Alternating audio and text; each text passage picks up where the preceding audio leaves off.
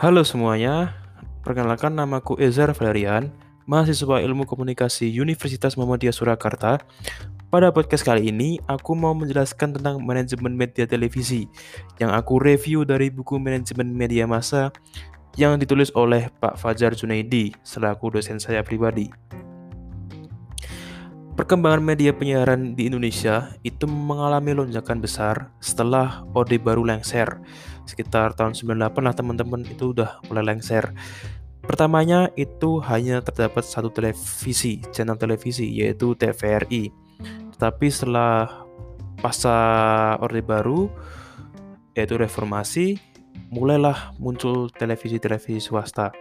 Pertamanya itu RCTI udah mulai muncul duluan ya teman-teman tahun pas ya reformasi reforma eh orde baru mau lengser itu RCTI udah mulai ada tapi mulai berkembang pesatnya pada saat uh, reformasi uh, apa namanya mulai saat ini TVRI itu mulai apa namanya mendapat persaingan ya teman-teman dari swasta dari seperti RCTI, SCTV, ANTV, Indosiar, TPI dan lain-lain itu mendapatkan persaingan dari swasta.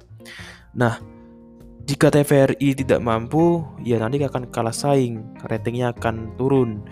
Contoh saja seperti LaTV teman-teman. LaTV itu dulu channelnya bagus, penyiarannya bagus, ratingnya bagus, tapi semakin ke sini ya perkembangannya semakin pesat, perkembangan televisi semakin pesat, terus dan juga uh, apa namanya manajemen tidak baik. Dan ratingnya turun, akhirnya LaTV gulung tikar teman-teman. Padahal itu channelnya bagus banget. Nah keberhasilan dan kegagalan dalam bisnis penyiaran itu tergantung oleh manajemennya teman-teman. Contoh aja gini TV channel X itu mengadakan siaran live uh, berita olahraga pagi-pagi jam 7 lah teman-teman. Tapi ini penggemarnya banyak teman-teman. Dari kalangan usia ini dapat lah istilahnya gitu. Nah, divisi apa namanya? Divisi kreativitasnya itu menyusun programnya dengan baik, teman-teman. Menyusun programnya dengan baik, alhasil dia menghasilkan uh, tayangan yang bermutu. Suatu saat divisi teknisnya itu mengalami gangguan, teman-teman. Ada trouble lah, ada trouble sedikit. Nah, itu membuat siaran live-nya tidak bisa, teman-teman. Jadi, apa namanya? share apa siaran live-nya tertunda terus mendapat komplain dari media apa namanya netizen netizen lah. Dia dapat serangan bulian di judge di ejek-ejek lah teman-teman. Akhirnya TVX minta maaf itu gara-gara kesalahan satu divisi saja. Itu mengakibatkan semuanya bubrah teman-teman. Jadi di sini harus ada manajemen kontrol manajemen yang bagus teman-teman. Apa namanya contoh di atas itu menggambarkan perlu adanya manajemen yang baik antar berbagai bagian gitulah. Intinya gitu teman-teman. Jadi ya apa namanya televisi ini harus menjaga manajemennya dengan baik agar tidak seperti kejadian di atas ya teman-teman. Terus apa namanya uh, apa namanya manajemen penyiaran televisi tidak sekedar urusan bagaimana proses teknis siaran, namun juga menyangkut pengelolaan sumber daya manusia, sumber daya keuangan, dan sumber daya peralatan di stasiun televisi. Jika salah satunya gagal atau salah dua yang gagal atau salah tiganya gagal, ya sudah teman-teman, itu bakal bubar lah teman-teman. Apa namanya bakalan hancur lah teman-teman kalau salah satu, salah dua, salah tiganya gagal gitu. Nah, di manajemen pertelevisian ini juga harus ada pemberian penghargaan atau reward atau sanksi atau punishment ya teman-teman. Itu penting juga. Uh, contoh reward tuh gini teman-teman. Si misal si A ini dulu bekerja di salah satu stasiun X, salah satu televisi stasiun X. Dia di divisi kreativitas. Ia memiliki ide-ide cemerlang, bisa mengambil semua acara acaranya kalau dipegang dia baik lah teman-teman. Terus dia dikasih penghargaan oleh CEO-nya itu langsung naik jabatan jadi ketua divisi kreatif. Itu adalah contoh reward. Kalau contoh punishment itu ya misalnya di divisi teknisi gagal melakukan penyiaran secara live. Nah, itu akan mendapatkan hukuman dari CEO atau direkturnya ya teman-teman. Yaitu berupa pengurangan gaji mungkin atau pindah copot jabatan mungkin mungkin antara dua itu teman-teman. Selanjutnya saya akan membahas sejarah uh, perkembangan televisi. Pada awalnya itu saya masih ingat cerita kakek saya.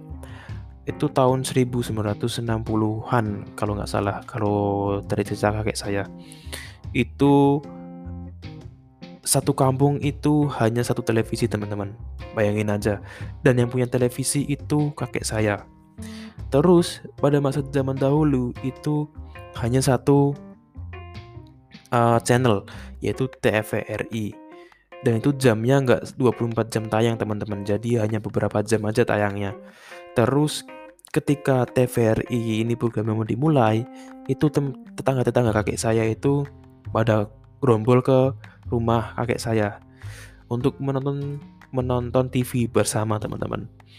Bayangin satu kampung itu ada 20 rumah katakanlah satu rumah ada 4 orang jadi 80 orang langsung ke rumah kakek saya untuk menonton TV teman-teman.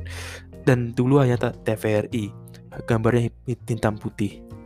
Itu sedikit gambaran aja teman-teman untuk masa lalu. Sorry curhat sedikit itu hanya untuk gambaran aja untuk teman-teman terus pada awalnya itu penyiaran itu hanya TV apa namanya TVRI dan itu didirikan untuk bertujuan menyukseskan keberhasilan acara Asian Games. Dulu kan Indonesia menjadi tuan rumah Asian Games pertama kalinya tahun 1962. Jadi TVRI apa namanya pemerintah Indonesia itu membentuk TVRI untuk siaran live Asian Games yang keempat teman-teman. Nah yang nggak bisa ke Jakarta atau yang nggak bisa datang ke stadion untuk menonton pertandingan olahraga itu bisa lewat TVRI teman-teman untuk menonton Asian Games tahun 62 nah pada Orde Baru itu masih TVRI terus ada eh, RCTI RCTI itu pertamanya masih hitam putih teman-teman nggak berwarna seperti sekarang nah kenapa dulunya TVRI dan RCTI itu akhir-akhir? Karena kan dulu Orde Baru teman-teman. Oh eh Orde Lama. Maaf Orde Lama. Orde Lama kan dikenal sebagai kebebasan pers yang dikekang. Pokoknya nggak ada kebebasan pers jadi TVRI itu semena-mena hanya mendukung pemerintah gitu. Akhirnya ya orde baru orde lama ya hanya TVRI aja. Nggak ada kayak TV swasta. Karena kan TV swasta apa namanya berpotensi untuk mengkritik pemerintah ya. Jadi ya itu di stop sama orde lama. Akhirnya pas orde lama lengser itu reformasi kan. Reformasi kan kebebasan pers mulai ada nih kebebasan pers.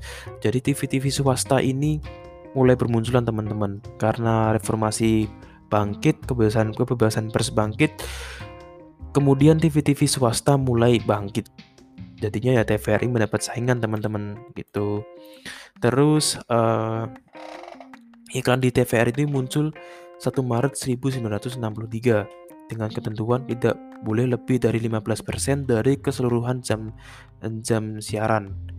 Nah, di sini saya ingin menyampaikan harga-harga iklan di TV, teman-teman. Pada tahun 2004, itu nilai belanja iklan itu 15 juta 79. 2005 17 juta 500. 26 eh 2006 itu 20 juta 500. 2007 itu 23 juta 121. 2008 26 juta 200, 2009 29 juta 887. Bisa dilihat semakin ke sini semakin meningkat. Berarti uh, rating TV ini semakin meningkat karena banyaknya konsumsi masyarakat teman-teman. Masyarakat Indonesia mulai melihat TV, terus ini jadi dijadikan ladang bisnis oleh manajemen manajemen di tele pertelevisian untuk menaikkan nilai iklan mereka. Kebayang aja nih, 20, 2009 itu 29 juta 800 nah 2020 kira-kira berapa ya teman-teman mungkin 30 juta 50 juta kita nggak tahu ya nah sekarang lanjut ke manajemen pertelevisian manajemen pertelevisian ini dipimpin oleh sebagai manajer umum atau general manager di stasiun televisi besar juga disebut sebagai direktur utama. Selain itu ada istilah seperti CEO atau Chief Executive Director, direktur utama atau presiden direktur. Anggota dewan direksi ini memimpin berbagai divisi dalam stasiun televisi. Dewan direksi inilah yang memiliki tanggung jawab untuk mengelola manajemen penyiaran dari stasiun televisi yang meliputi aspek bisnis dalam industri penyiaran. Nah, di sini saya ingin masuk ke divisi-divisi di televisi ya, teman-teman. Di pro, apa namanya? di apa namanya? televisi atau channel. Yang pertama, ada divisi program berperan dalam pengelolaan seluruh program dari pengadaan materi hingga pengaturan jam tayang. Divisi ini membawahi Departemen Akuisisi, Quality Control, Penjadwalan, Research, Development, dan Traffic.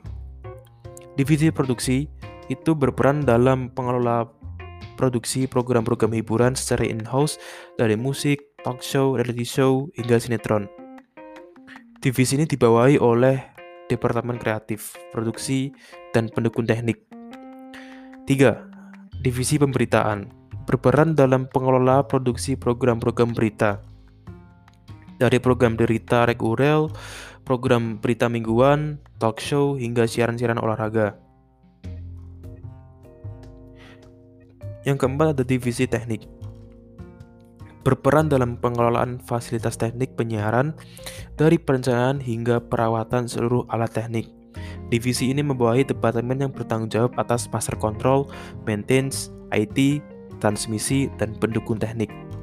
5. Divisi pemasaran berperan dalam pengelolaan pemasaran slot-slot komersial.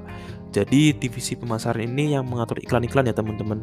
Ini yang ngatur divisi pemasaran. Yang keenam, divisi keuangan berperan dalam pengelolaan dan pemeriksaan keuangan perusahaan. Divisi ini membawahi departemen finance, accounting, auditing. 7. Divisi ART dan Legal berperan dalam pengelolaan seluruh sumber daya dari seluruh divisi, penyediaan sarana dan tenaga operasional bagi divisi lain, serta penanganan aspek hukum atau legal. Masing-masing divisi dipimpin oleh seorang direktur dan setiap dan setiap departemen di bawahnya dipimpin oleh manajer. Hierarki berikutnya akan memasukkan jabatan koordinator, supervisor, dan shift hingga staff. Di luar jabatan-jabatan struktural itu juga dikenal jabatan fungsional yang biasanya terjadi di divisi produksi dan divisi pemberitaan. Nah, segitu aja teman-teman yang bisa saya sampaikan. Semoga kalian juga terhibur dan mohon maaf kalau ada salah kata atau kata-kata saya apa namanya terlalu bertele-tele.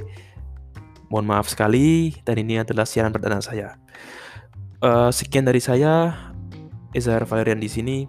Wassalamualaikum warahmatullahi wabarakatuh.